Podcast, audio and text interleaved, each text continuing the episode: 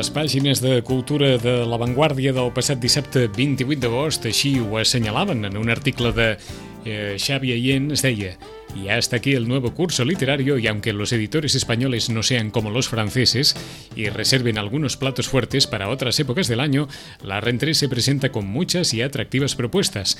Nombres como los de Mario Vargas Llosa, Almudena Grandes, Humberto Eco, Don Delillo, John Le Carré, Ken Follett, Brett Easton Ellis, Antonio Escarmeta, Juan José Millás o Ricardo Pilla aseguran que si la crisis en el mundo del libro no remonta no es por falta de títulos sólidos para todo el público. Per rentré literària eh, important i carregada de bons títols, val la pena, per tant, acostar-nos a una lectora empedreïda i venedora de llibres. Rosana Lluc, bon dia, bona hora. Hola, molt bon dia. Suposo que estàs dins aquest grup de lectors delerosos de, de poder tenir al davant eh, tot allò que segurament no podràs llegir, però que et ve molt de gust que surti a la venda. Eh, exactament. Eh? Encara, bueno, ja n'hem llegit uns quants d'aquests que han sortit, però pas, no pas tots. I la veritat és que, bueno, eh, és que d'aquests que estaves dient tu, la majoria sortiran a l'octubre, o sigui, faran esperar encara eh, els lectors. Però, de fet, mm, hi ha uns quants que ja comencen a sortir. Avui és el primer, el primer dia. D'acord, doncs d'entrada ho posarem molt fàcil, tot això. Algun que hagis llegit que sigui novetat i que diguis eh, d'entrada aquest ja val la pena, mm, podeu comprar-lo com vulgueu. Uh, sí, bueno, de fet, uh, aquesta setmana, aquestes setmanes, aquelles setmanes que comença a sortir absolutament tot i després en parlarem d'un uh -huh. que, Mhm. que serà la sensació aquest cap de setmana. Eh? Però bé, els que sí ja es pot comprar perquè va sortir ahir, i bueno, tenim ahir, des d'ahir a les mans, és la bicicleta estàtica del Sergi Pàmies. Ah, Exactament, que sortia fotografiat a la Vanguardia remullant-se a la platja, eh, explicant precisament el, el sentit final d'aquesta eh, nova història de Sergi Pàmies, la bicicleta estàtica. Sí. Acabada de sortir, eh? acabada, acabada de sortir, doncs, i ja tenem aquell llibret que, que, bé, com que ens hi cap a la mà, eh? no és aquell llibre de butxaca, és que, de fet, és aquell llibre que tu agafes i amb una sola mà, doncs, comences a dir, dius, és tan petit i tan manejable, no?, que la veritat és que, bé, diem, no se'l podem perdre. Mhm. Per què? Pues, bueno, perquè torna a ser el Pàmies, aquell eh, Sorneguer, el, saps allò que diu, bueno, hi ha qui diu el Pàmies manipulador, mentider, de fet, eh, bé, aquella mirada tan certera que té sobre les coses i que amb aquests contes ens ho, ens ho, bueno, recull. De fet, són 20 relats que realment, doncs, te'ls empasses amb un cafè. D'acord. O sigui que per començar, aquelles persones que no el seu dia varan llegir si menges una llimona sense fer ganyotes, Exacte. Ah, us agradarà. continuar ara amb aquest, eh, la bicicleta estàtica. Entesos. Sergi Pàmies. eh? o sigui que els agradarà d'entrada, eh? Els agradarà, Mhm. els agradarà. Vull dir, mm, bé, és que el Sergi Pàmies jo crec que de cebre no de ser, no? Vull dir, tothom ja sap el que, el que pensa trobar amb el Sergi Pàmies, més o menys, i la veritat és que és això. Eh? Te'ls llegeixes a un res no res i dius, bé, el Sergi Pàmies continua sent el Sergi Pàmies. Eh? D'acord. En, eh, centrats en algun aspecte en particular, Rosana, aquests relats? O, o, o el ventall de temes, situacions és molt ampli? És molt ampli, jo crec que la veritat és que és això, no és això... eh, De fet, parla de l'individu, eh? i sobretot doncs, això, la, la fatalitat de, de l'individu, tant si està sol com si està col·lectivament, no? I, bueno, i la veritat és que això, jo crec que el, el Pàmies, el que ens agrada del Pàmies és aquest estil mm, una mica obsessiu, no?, de, de enfatitzar segons quines coses, i sobretot, doncs, això, la solitud de tots plegats davant de, de les coses. D'acord. Mm, Doncs qui li agradi precisament aquest esperit irònic aplicat a qualsevol cosa perquè en tot allò que escriu Sergi Pàmies sigui crítica televisiva, sigui petites històries. Hi ha aquest punt de eh, d'ironia punyent molt sovint.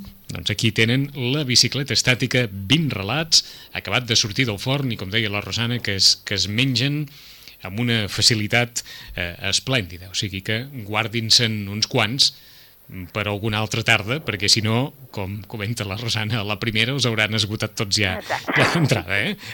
La bicicleta estàtica. Ens agrada molt haver començat també per alguna novetat catalana, Sí. perquè costava també de, de, de, de no, els darrers mesos trobar-ho, eh? Eh, Exacte, eh, costava, la veritat és que sí. Una de les últimes, i em sembla que no vam tenir temps de, com, de comentar-la, jo diré que no, és la de, de el, el quadern de Nicolas Klein, del Jaume Benavente. Eh? Em diria que no la vam comentar. No, eh? perquè és una novetat que va sortir, doncs, devia ser doncs, ja quasi que el juliol. Eh? Uh -huh. Per tant, no l'hem comentada.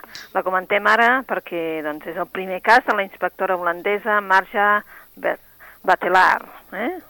I d'aquí, mm, bueno, doncs ve d'un autor català, el Jaume Benavente, i la veritat és que, clar, diu, ja té uns quants títols a les seves esquenes, però aquest ens parla doncs d'això, d'un matí plujós, eh? penseu en bicicletes perquè estem parlant doncs de... Eh? Sí, del país de la bicicleta ah, per excel·lència. Exacte, eh? eh? Doncs hi estem una... Bueno, hi ha els inspectors, la Marja Batelar i en Jan Fan càrrec de la investigació. O sigui que és una inspectora en bicicleta. Ah, sí, sí, sí, són inspectors així, eh? Bueno, ara, uh, sí. ara em perdonaràs que m'ha És vingut... que, esclar, uh, per anar ràpid per, per Amsterdam, com hi vas? M'ha vingut al cap el Padre Brown. Però, sí, és per- molt però diferent. és Sí, molt diferent, és Sí. molt diferent, eh? Sí, sí, sí, però sí, eh? seria això, no? D'acord, aquest entorn, diguem-ne, així amb un punt de melangia tardoral, de, de, de poc sol i molta, i molta broma, en bicicleta, un, Eh, una parella d'inspectors, d'acord. Exacte. I bueno, doncs ells s'han de fer càrrec de la investigació de la mort d'una jove immigrant Uh -huh. eh, en una pensió del centre d'Amsterdam. Bé, eh, l'assumpte doncs, seria un mes de tots aquells que, que tenen a la taula, no? Um, I el cas, doncs, bé, és, és allò que el volen tancar, eh? encara que siguin fals, eh? Però la Marja Batelar continua indagant eh, pel seu compte i, clar, el que passa és que, clar, només la, es, es guia pel seu instint, no? i per una afinitat vers la víctima, perquè pensa que no hi ha dret doncs, que els casos així, no? que siguin gent, doncs, que siguin immigrants, que siguin aquesta gent oculta, doncs, que no, no mereixin la mateixa investigació que si fos una Mhm. persona molt més de... Mm? Llavors, què s'endinsa? Pues s'endinsa en un món fosc, en un món perillós, on eh, es barregen doncs, aquests, eh, els ambients més cosmopolites d'Amsterdam, que sabem que, que ho és, no?, Amsterdam així, i també a- alhora doncs, té els interessos criminals i la veritat és que apareixen fantasmes del passat pel mig, no? Uh -huh. La Marja Batelar doncs, és una inspectora jove de la unitat d'homicidis de la policia d'Amsterdam, eh?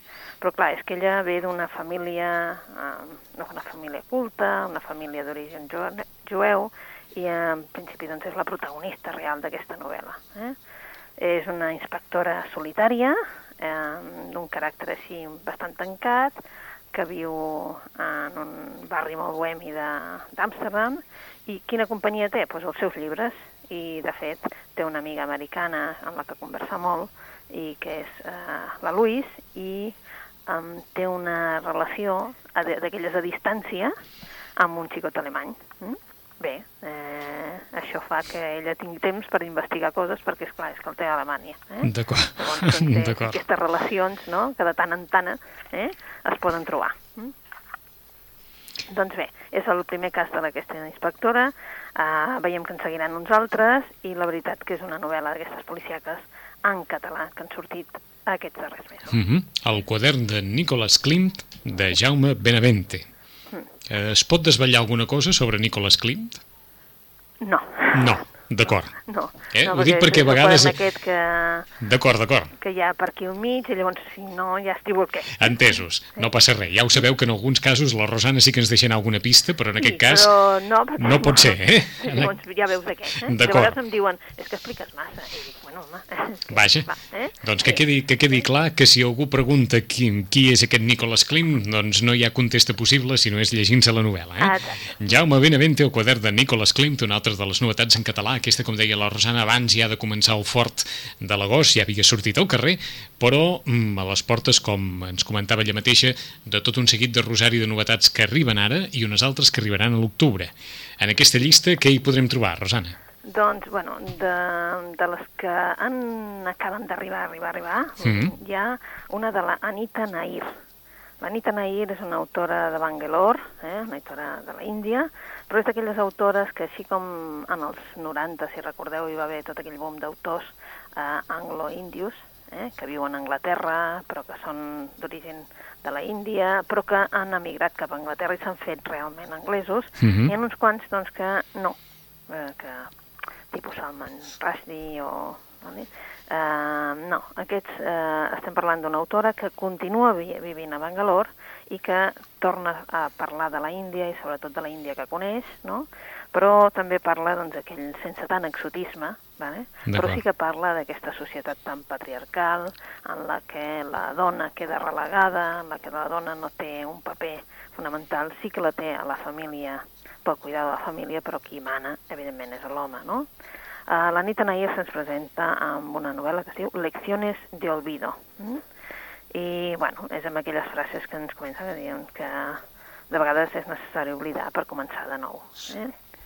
Uh, la Merea uh, sembla que té una, una vida d'aquelles que tothom li tindria enveja. Per què? Pues perquè és una escritora reconeguda i el seu marit és un executiu d'èxit resulta que la Mera, Mera aquesta, aquest personatge té la mateixa edat que l'autora, per tant, un podria pensar que és una mica autobiogràfic. Ell ens diu no és autobiogràfic, malgrat que és veritat que he tret coses personals per treure-les aquí a la novel·la. No? Uh -huh. uh, bé, és un, aquest executiu d'èxit, que és el seu marit, des, desapareix d'un còctel, i, clar, ella, la veritat és que la Mera es desmorona perquè no sap què fer. Mm? De cop i volta es troba que, que bé, que per d'escriptora ella també és mare i, de fet, s'ha de fer càrrec dels seus fills, de la seva mare i de l'àvia.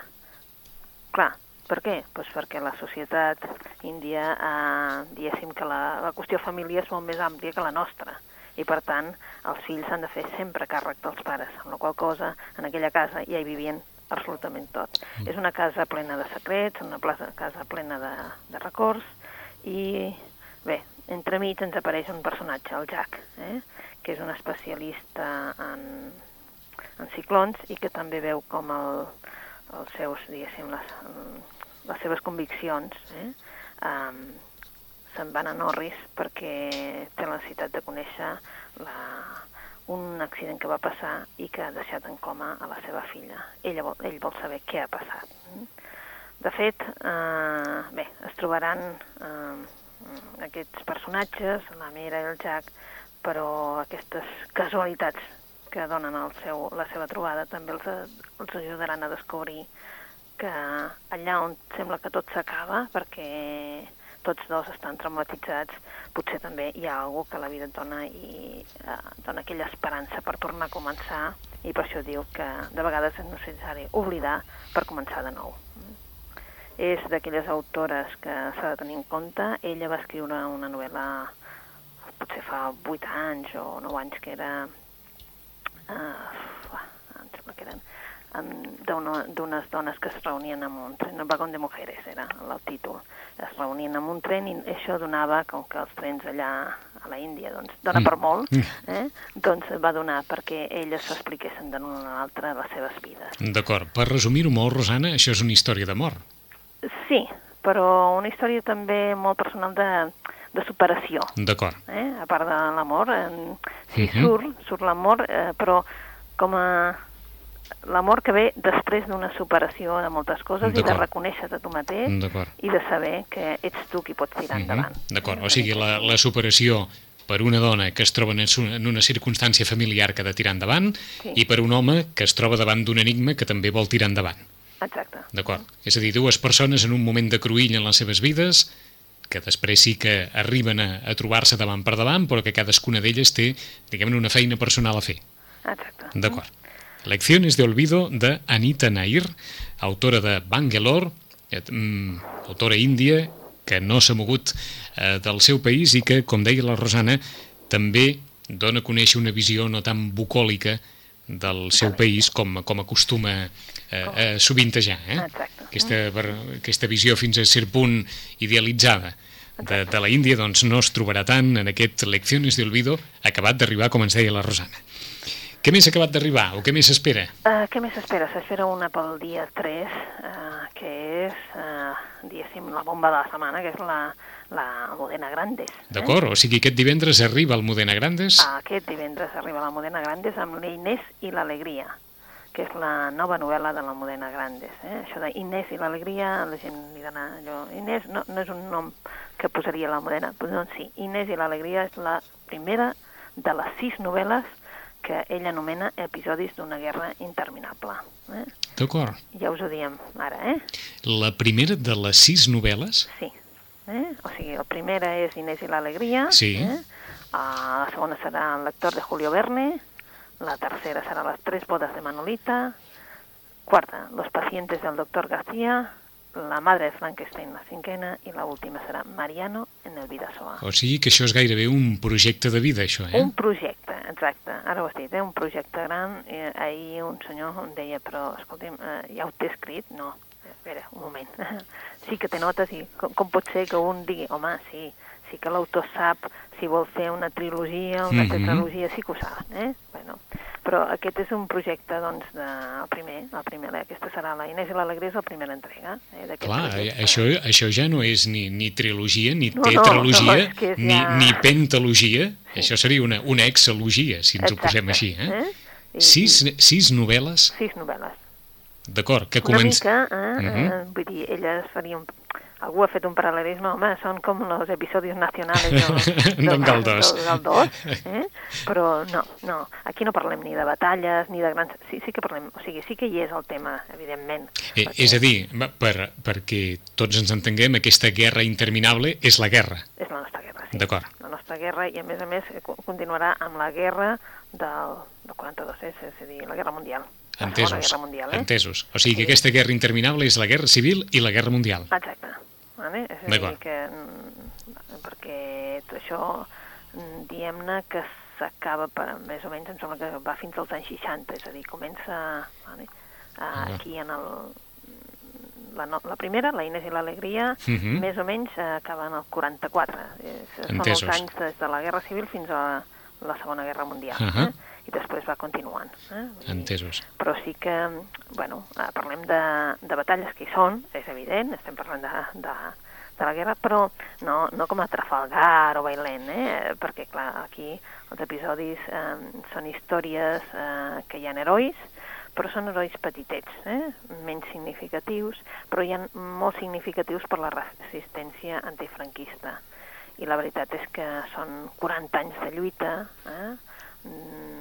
Un exèrcit eh, allò permanent de ràbia i de coratge en el, contatge, en el context, diu ella, d'una repressió feroç. Mm -hmm. Diu a l'avantguàrdia la pròpia Almudena Grandes que no són grans batalles com Trafalgar o Bailén.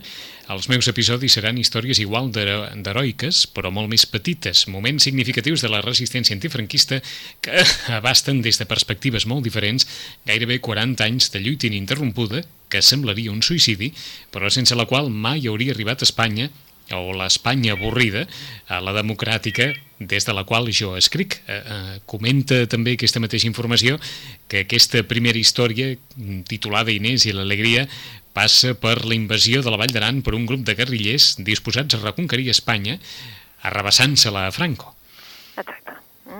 Però ja us dic que primer hi ha tota una història, clar, de presentació de personatges, Ahà. eh, de la Carmen de Pedro, perquè comença a Toulouse eh, l'estiu del 39, i la Carmen de Pedro és en aquell moment la responsable a França de, dels comunistes espanyols. Eh?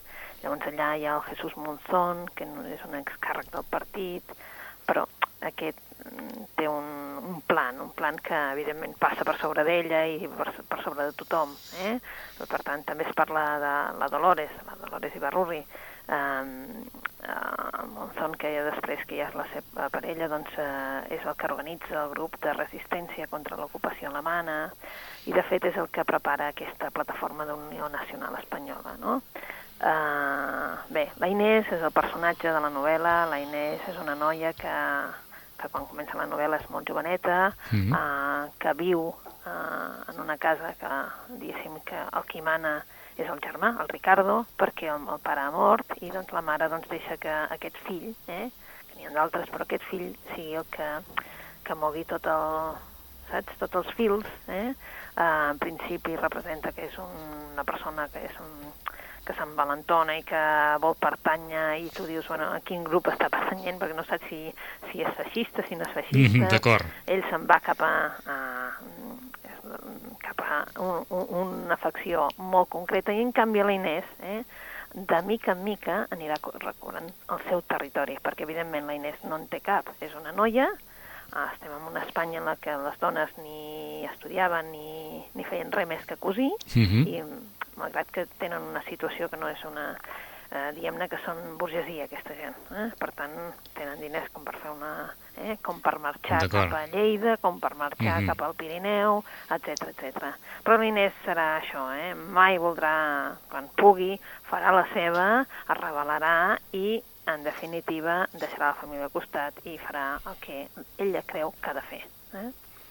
És una història, una història molt apassionada, us vaig a dir, sobre aquells que van lluitar per alliberar Espanya de, de Franco. Eh? D'acord. O sigui, estem parlant d'una heroïna. Gairebé. Sí, sí, sí d'una heroïna, i és una història d'amor, clar, eh? Sí. i, i, bé, i d'una història que podia haver canviat el destí d'Espanya. Eh? Ja dim que podia haver canviat. D'acord. Però, Com, eh? que, com que n'ets prou coneixedora de, de l'obra del Modena Grandes, s'hi havia ficat mai en una qüestió d'aquest tipus? No, potser, No. potser la que més s'assemblaria amb aquesta seria Corazón helado, la darrera novel·la que va publicar. Aquesta seria la que, si recordeu, eh, anava també sobre dues famílies enfrontades per al tema de guerra civil, també. Mhm. Dues famílies que, doncs, eh, que vivien a França i que, mm, diguem-ne, que tot començava en un enterrament i que allà hi aparecia una noia que ningú no sabia qui era i era un enterre familiar i molt estricte i bé, a partir d'aquí es va traient el fil i es veuen que són dues famílies que enfrontades pel, tema de... Mm, D'acord. Eh? T'ho preguntava perquè pels fidels al Modena Grandes Mm.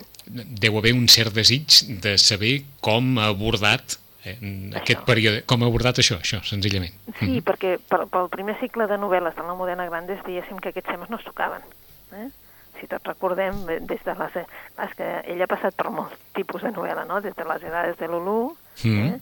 A los años difíciles, eh, vull dir, és com a molt, molt diferent, no?, els tipus de novel·la. I ara hem arribat, no?, a Castillos de Cartón, per exemple, que parlava, doncs, de, de la gent dels 60, no?, però ara hem passat al tema que suposa que amb ella també, doncs, eh, bé, doncs diu, escolta'm, eh, és un tema que, que a mi doncs, em preocupa, suposo, vol- volia saber i investigar sobre aquest tema i doncs ha escrit aquestes novel·les. D'acord. Una de que, suposo que un d'aquells projectes als quals només s'hi pot arribar quan ja es té una maduresa Jo, jo diria que és exactament així. És a dir, exactament així. tu no pots eh, tenir un plan d'obra D'aquesta magnitud, d'aquesta magnitud i Mm. tan ambiciós, no? Perquè, clar, eh, has de... Bueno, primer que t'has de documentar moltíssim sobre, Mhm. sobre moltes coses, perquè, clar, per edat ella tot això no, no ha viscut No, no, clar. sigui, clar. Llavors, clar, eh, t'has de documentar moltíssim, has de saber què, què vols explicar i que interessi també als teus Mhm. lectors, no? I la veritat és que són moltes pàgines, eh? No, no són gaires. d'acord. Eh, suposo que, és clar, tot, tot, mm, tot deu ser ni fàcil ni difícil de- de- d'aventurar, però mm, creus que serà un èxit? Un èxit. Un èxit. un èxit, eh? Us ho dic perquè és que és impossible deixar la novel·la. O sigui, quan comences... Ah, d'acord. O sigui que has tingut- La novel·la és impossible deixar-la. Has tingut l'oportunitat ja de, de, de poder agafar alguns fragments de- d'aquesta Inés? Um, el... Perdona, no et sento Sí, ara. és que tenim una, una comunicació per aquí al mig de- d'un fax, em sembla, Rosana, Sí.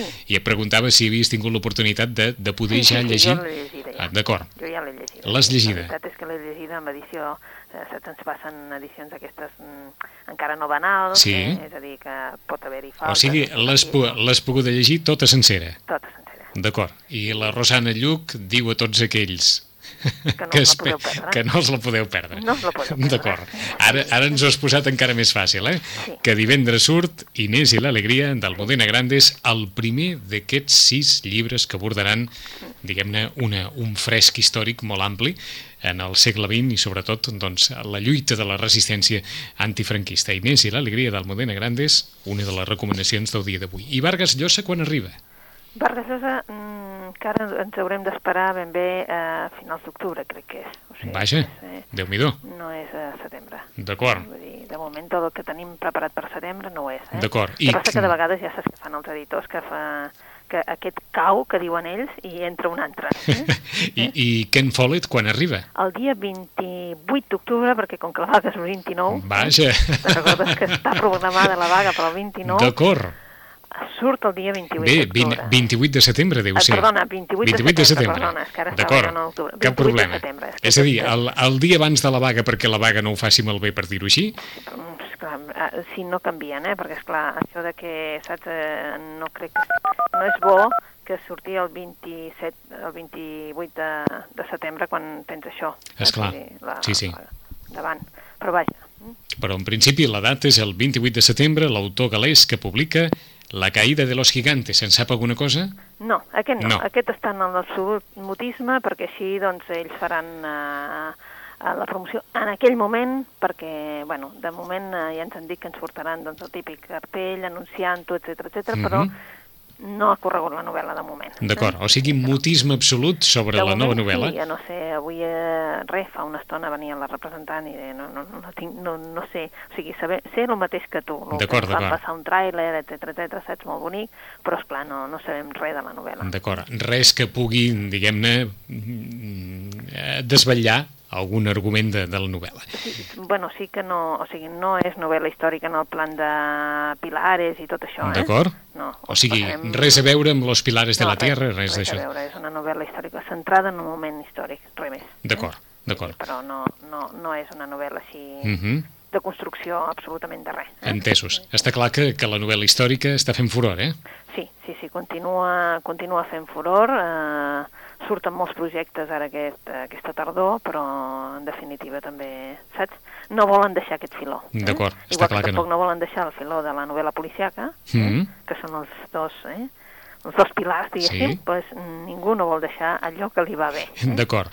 Um, tornem a situar-nos en el moment en què estem. Més novetats que han arribat o que estan a punt? Eh, Mira, més novetats que han arribat, per exemple, és una de les, que, de les autores que estan eh, ara estan a Barcelona i Madrid, és la Joyce Carol Oates, eh? que en definitiva és una autora d'aquelles que, no? que tothom pensa, bueno, hauríem de llegir alguna cosa, no? Mhm. És una autora que, que fa molts anys ja que escriu, que té molts premis, molts premis, el, i de fet eh, té fins i tot la medalla d'honor de literatura del National Arts Club, o sigui que però que potser aquí la vam conèixer amb la hija del Super Torero, eh? I perquè eh, a partir d'aquell moment Alfaguara va iniciar la, la publicació de tota la seva obra. Després ens va seguir amb Mama i després amb Infiel, eh? perquè, però aquest era un, una, un conjunt de relats. Eh? Ara ens presenta una novel·la que es diu Ave del Paraíso. Eh? Diria que en aquests moments, no sé si era avui que estava a Barcelona o era ahir que estava a Barcelona i després estarà a Madrid. Eh? Mhm. I la veritat és que bé, ens parla d'una de la Zoe Kruller, una, eh, la seva esposa i mare, una, una noia que és esposa i mare, i que apareix, la Zoe Kruller apareix assassinada. La policia centra en dos eh, sospitosos, en el marit, el del rei, i el seu amant, Lady Deal, i mentre el fill dels Kruller, eh, Aaron, i la filla d'Eddie, Krista, tenen una obsessió. Per què? Pues per, creu que el pare de l'altre és el culpable. Tant l'un com l'altre creuen que el seu pare és culpable eh? de, de l'altra persona. Sí. Eh? Uh, bé, estem en una ciutat, a la ciutat d'Esparta. Mm, Ave del Paraíso és una combinació d'allò, totes aquelles novel·les mig eh, eròtiques i mig violentes de Nord-Amèrica de finals del segle XX. Eh? I la veritat és que torna a ser una de les obres d'aquelles punyents de la Joyce Carol Oates, eh? i que la veritat és, torna a parlar d'aquell amor, però amor amb sexe que, que té aquella angústia també de la pèrdua i la veritat, mm, jo és d'aquelles novel·les que sempre tinc la tendència en la Joyce Crowley que la, la línia entre tendresa i crueltat és difícil de definir. D'acord. És, una autora doncs, que, que té molta imaginació i que la veritat és que té, les descripcions són molt copioses. Ho dic perquè és una persona d'aquelles que descriu moltíssim totes les situacions. Mhm. Mm, una novel·la punyent, Sí, sí, Sí. sí, perquè és un thriller? T'ho pregunto per, aqu per aquells que diguin no, m'avull un thriller, però compte que no apreti més de... No, de, de... no però, Aqu... però cuidado, no és un thriller tipus Grisham ni tipus... Eh? No, no ho és, eh? Penseu que és una... Ja, ja sabíem que la, que la Rosana ens ho sabria eh, acostar a la recomanació bona, eh? Sí. A qui li agradi Grisham, això és massa dur no, no, perquè li agradi Grisham, d'acord? D'acord, massa literari. Massa literari, eh? És de, una d'aquelles, només perquè ho sabeu, és una d'aquelles autores que sempre surten en les llistes de possibles premis Nobel, o sigui que Mm, no, no té res a veure amb el Grisham, eh? ni per estil ni per res. Eh? D'acord. Les seves, eh, la, la profusió de sentiments que hi ha aquí no apareixen en les novel·les del Grisham, que el que vol és una acció més trepidant. D'acord. Aquí novel·la negra, però molt elaborada, elaboradíssima, sí. des d'un punt de vista literari. Sí, exacte. D'acord. Eh? Vull dir, de descripció de personatges, d'interiorització, de de sentiments, de sentiments de flor de pell, tot això no, no apareix en les novel·les. Entesos. De, de, dels altres tipus d'autors, uh -huh. que el que pretenen és una altra cosa. En qualsevol cas, qui s'hi vulgui ficar, de Joyce Carol Oates, Ave del Paraíso, mm. Mm? novel·la, com es dèiem, novel·la negra, amb dosi d'erotisme, dosi de violència, però sobretot, com ens deia la, la Rosana, una forma de construir, de construir la història molt, molt, molt elaborada. Per on podem seguir encara? Podem seguir, no per una cosa que hagi sortit, però sí per un fenomen que s'està donant. Eh? Mm, ja fa un temps els editors estan pensant en, el, eh, en, un, en un gènere crossover. Eh? És que aquí ara mm. -hmm. que no tenim prou paraules eh? i sempre diem paraules angleses, crossover, eh? aquella cruïlla sí. de, pels nens. Són aquell, um, diguem-ne, aquells llibres que els podien llegir tant els joves eh? els joves la certa edat, és a dir, no els nens, però sí joves, mm. i els adults. I per això n'hi diuen crossover, perquè estan en aquella franja d'edat en el que no són nens i encara tampoc no són adults. Però, en canvi, la literatura juvenil no els hi va, eh? i la literatura d'adulta moltes vegades doncs, és massa adulta. Mm -hmm. I per això els editors han decidit que hi haurien una sèrie de llibres que els podrien llegir tant gent gran com gent jove. Eh? I n'hi han posat el crossover perquè estan en aquesta cruïlla. Eh? D'acord. Eh? O sigui que nanos, eh? eh? aquest gènere ve més des de, des de què? Des dels publicistes que, que no pas des dels propis autors? O... Sí, sí, sí. Jo, no, això és màrqueting total. Eh? Màrqueting total. La gent de, de màrqueting del, dels, de les editorials doncs s'han inventat... Eh, bueno, no aquest terme, perquè aquest terme ja hi era, uh mhm. -huh. però això de dir, bueno, doncs eh, situarem, perquè clar, cada vegada es troben més, és a dir, eh, la literatura juvenil doncs, està reflexant una sèrie de, de problemes dels joves, però es troben que hi ha gent que, doncs, esclar, llegeix obres que són, clar, tu no li pots posar amb gent que, eh, bueno, des de que s'han llegit Harry Potter, es llegeixen El Senyor dels Anells, etc., són obres de 300, 400, 500 pàgines, i llavors resulta que la literatura juvenil pues, són llibrets de, de 115. Mm -hmm. Clar, hi ha un moment que aquesta gent ja s'ha passat a, a obres com a, diguem-ne, que tenen més envergadura en el sentit de, de que són més ambiciosos amb, el, amb els temes, potser, o amb la manera de narrar, o el que sigui, i llavors, clar, aquests, aquests joves troben que els falta altres possibilitats, eh, diguem-ne, mm -hmm. i els editors han trobat un nicho que es diu crossover. Mm? Clar, eh, això no tindria per què tenir una col·lecció, però Sex Barral ha decidit que feia una col·lecció crossover. Mm? perquè podia ser que cada editor, que ja ho fan, doncs posés eh, llibres allà en, en aquest, no? Um, ja, ja et veig posant una estanteria. Sí, sí, és que eh? clar, és que t'ho posen difícil, eh? perquè de vegades el, les recomanacions de l'editor és a dir, sí. per joves de 9 a 90 anys. Això mm. dir molt, no? Aquesta és una frase de tota la vida, eh? Eh que sí? I Ciruela la va utilitzar, en, en fi, col·lecció Les Tres Edades. Sí, i fins i tot la feia servir Disney o Exacte, en les seves pel·lícules, oi? Doncs pues bé, doncs eh, aquesta, diguéssim, eh, he jugat amb els llops, eh, de la galera, va sí. sortir ja fa uns, uns dies, eh, diguéssim que va sortir per Sant Jordi, i en canvi, doncs és una, una obra que ells també la situaven aquí, no? Vull dir, ni era de joves ni era d'adults, era, mm. era de tots, eh? Aquest, en aquesta, eh? Bé, doncs ara eh, Sex Barral comença amb una, amb una col·lecció, eh? I comença amb un autor que no coneixem, el llibre es diu La sinfonia del tiempo breve, de Mattia Signorini, eh? I què és? Doncs és una història màgica, eh? Uh, per a tots aquells que vivim amb curiositat les coses, no? La Sinfonia del Tiempo Breve és, eh, és d'un personatge, que és el Green Talbot, de començaments de segle, als anys 20, um, i és, neix en un poble uh, on el temps, la veritat, és que passa com a molt lentament, com si diguéssim. Ell, el Talbot, ja està cansat d'aquesta vida, doncs que, que no que no li ofereix res, que és una vida massa tranquil·la per ell, no? I llavors se'n va de viatge, un viatge, estem parlant de, dels anys 30, uh -huh. i en aquest camí doncs, ell aprendrà què? Doncs escoltar, escoltar els altres, escoltar la natura, a tenir també contacte amb els animals i saber que... I també tindrà una possibilitat única, podrà anar a través del temps i l'espai i estar present en els, els aconteixements més rellevants del segle XX. És un relat d'una vida dintre de moltes vides, diguéssim. És una novel·la així d'aventures, eh? però alhora doncs, et parla doncs, això, no? de, de l'univers imaginari de, de tot allò que, que és essencial. Eh? Una mica això barreja entre, saps, una mica Principito, mm -hmm doncs el Matteo Signorini ha escrit una història per qui viuen la vida amb curiositat, però hi volen ser també diferents. Mm? Eh, és que no sona nou pas aquest argument, eh? No, no, no, no, no. Vull dir, no, que, Vaja, que, que, la, que, anava, anava a dir que, que eh? l'argument de la màquina del temps... Ah, exacte, eh, eh, eh? eh en fi... De fet, és un, un jove talent el que l'ha escrit, no? És un autor, un autor italià sí. nascut uh, l'any 80, o sigui que és un autor molt jove. Uh -huh. mm? uh, però en canvi ja, doncs, ja és finalista d'un premi literari allà, um, la seva primera novel·la ja es portarà al cinema, és d'aquelles coses que dius, bueno, eh?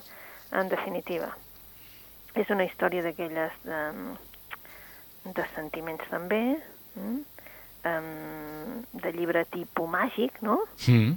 Doncs, i, i que, bueno, allò que dèiem, no? El Principito, que segons en qui li donguis, el Principito li pot semblar... D'acord, una, una, una temàtica ja superada sí. i per depèn d'aquí doncs l'obrirà de nou a la imaginació. Exacte. Eh, perquè aquesta, aquesta nova línia, diguem-ne, aquesta mm. nova col·lecció de Seix Barral, eh, tots seran novetats literàries o recuperaran també, no sé, alguns títols que ara es podrien encabir dins eh, aquesta categoria del, del crossover? En principi seran novetats. En principi tots seran novetats. En principi seran novetats. Ara també t'haig de dir que això ens ha vingut així, un escrit dient, bueno, i massa, ja, ja, ja, ja veurem cap a... D'acord, vols dir que, com, que es comença així i ja veurem cap sí, on deriva. Sí, perquè mm. de vegades, és que aquests experiments de vegades fan una mica de por, no? Perquè, és clar, o, o hi ha molta cosa editada o, mm. o, o, o on te'ls poses, vull dir. D'acord, no? està clar. Els has de posar, i, i una mica el que es pretén doncs, és crear una línia, que també això és difícil, perquè, és clar, encasillar la gent i dir, bueno, és que ara hi haurà una estanteria que sigui això, no? Que, que pugui ser tant per joves, però aquests joves que ja volen llegir altres coses mm -hmm. o que mhm i dius, home, això, aquests joves que volen llegir altres coses, més val que els hi diem, no? Eh, això mateix. Que no crear una estanteria que sigui molt difícil. Sí, sí, per joves que volen llegir altres coses.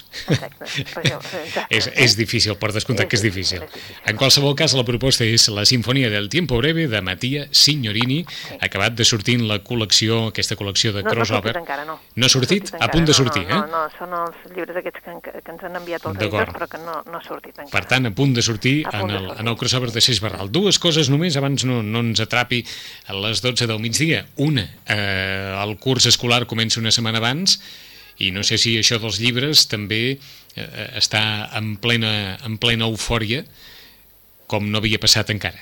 De... Llibres, diguem-ne, de, de, sobre llibres de text o llibres de poc moviment aquí? Jo, jo, jo com que no...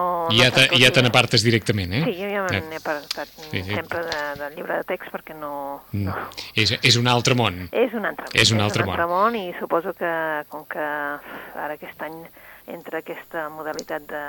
Eh, de del, de, de del llibre que tindran el, als ordinadors i ah, tota... Exacte, i els continguts digitals que veurem que tampoc no sé si, si ja funciona, si, si no, etc mm -hmm. etc però vaja. Veurem com segueix. Exacte, veurem no. com segueix i veurem si realment tothom el primer dia ja té saps? I tots els continguts a punt. Exacte, tots els continguts a punt i està tot cablejat a l'institut perquè mm -hmm. puguin començar, etc etc. D'acord, no? doncs t'ho posem encara, no direm que una miqueta més difícil o no, sí.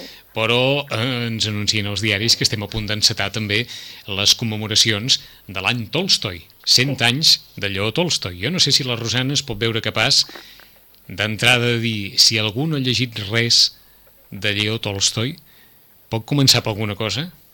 Bé, eh, han, han començat... A, que, jo és que... La veritat és que jo, jo, jo sempre diré que Anna Karenina. Anna Karenina. Per mi Anna Karenina és eh, la veritat... Ah, clar, si tu dius home, Anna Karenina, no me la puc, perquè és que és, no m'ho puc permetre, no m'ho puc permetre en el sentit que són, eh, són masses pàgines, eh? Home, Home. també hi ha, doncs clar... Eh, et anava a preguntar, també, si vols, hi ha alguna cosa de Tolstoi que sigui relativament curta? Sí, home, hi Sí? ha la sonata Kreutzer, saps? Aquell Sí. eh, que és, és, és curtet, ah, la mort d'Ivan Illich també és curtet, però... Però clar, ja no és el Tolstoi que ha passat a la història, clar, no? És que Guerra i Pau. Guerra i Pau. I, i, i Anna Karenina, eh? mm, vull dir, són... Però també t'haig de dir que és curiós que durant tot l'estiu la gent ha estat demanant això, eh? De veritat? Sí, sí, sí, sí. O sigui, Han demanat... Anna Karenina i Guerra i Pau se n'han vengut... A veure...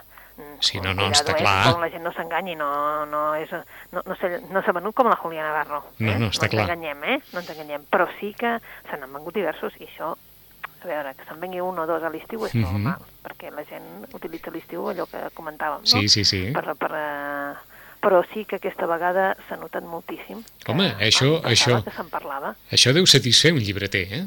Eh, mm, Jo és que a mi m'encanta, saps? Vull dir, perquè llavors també doncs, busques quina traducció, vull dir, Mhm. te n'adones de les manques que tenim, no? Perquè es, es pot trobar tot en català i en castellà, Rosana, o no? Mm, No, el que No. passa que s'ha de, de reconèixer que doncs, la traducció, eh, clar, és mm, eh, la traducció de, de és d'Andreu Nin, clar, mm, fa molts anys que s'ha fet aquesta traducció, potser eh, caldria tenir més abast, perquè, és clar són cars, en català són cars, s'ha de reconèixer. Eh? Per què? Pues perquè, perquè no hi ha més traduccions. Mhm. En canvi, en castellà, doncs clar, hi ha més oferta, saps? Vull dir, hi ha la, la traducció d'aliança, Mhm. és clar, llavors... És a dir, hi ha, hi ha més possibilitats de trobar-ho a bon preu, eh? Exacte. Eh? Llavors, Però, clar, en qualsevol cas, entre Guerra i Pau i Anna Karenina, Rosana recomana començar jo amb Anna clar, Karenina. El personatge, no?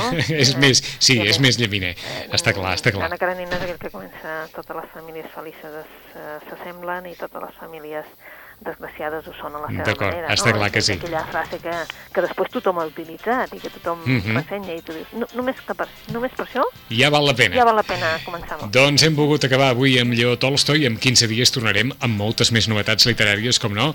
Rosana, moltes gràcies. Fins aquí 15 dies. Fins aquí 15 dies. I sobretot i- pensin que el Modena Gran és aquest divendres gairebé una compra obligada. Gràcies, Rosana. Adéu-siau. Adéu. Arribem a les 12 del migdia, demà hi tornarem, com no, amb més coses, amb la informàtica, amb l'espai de mecànica, en definitiva, en una nova audició de la Cel Obert. Que passin un molt bon dia. Adéu-siau.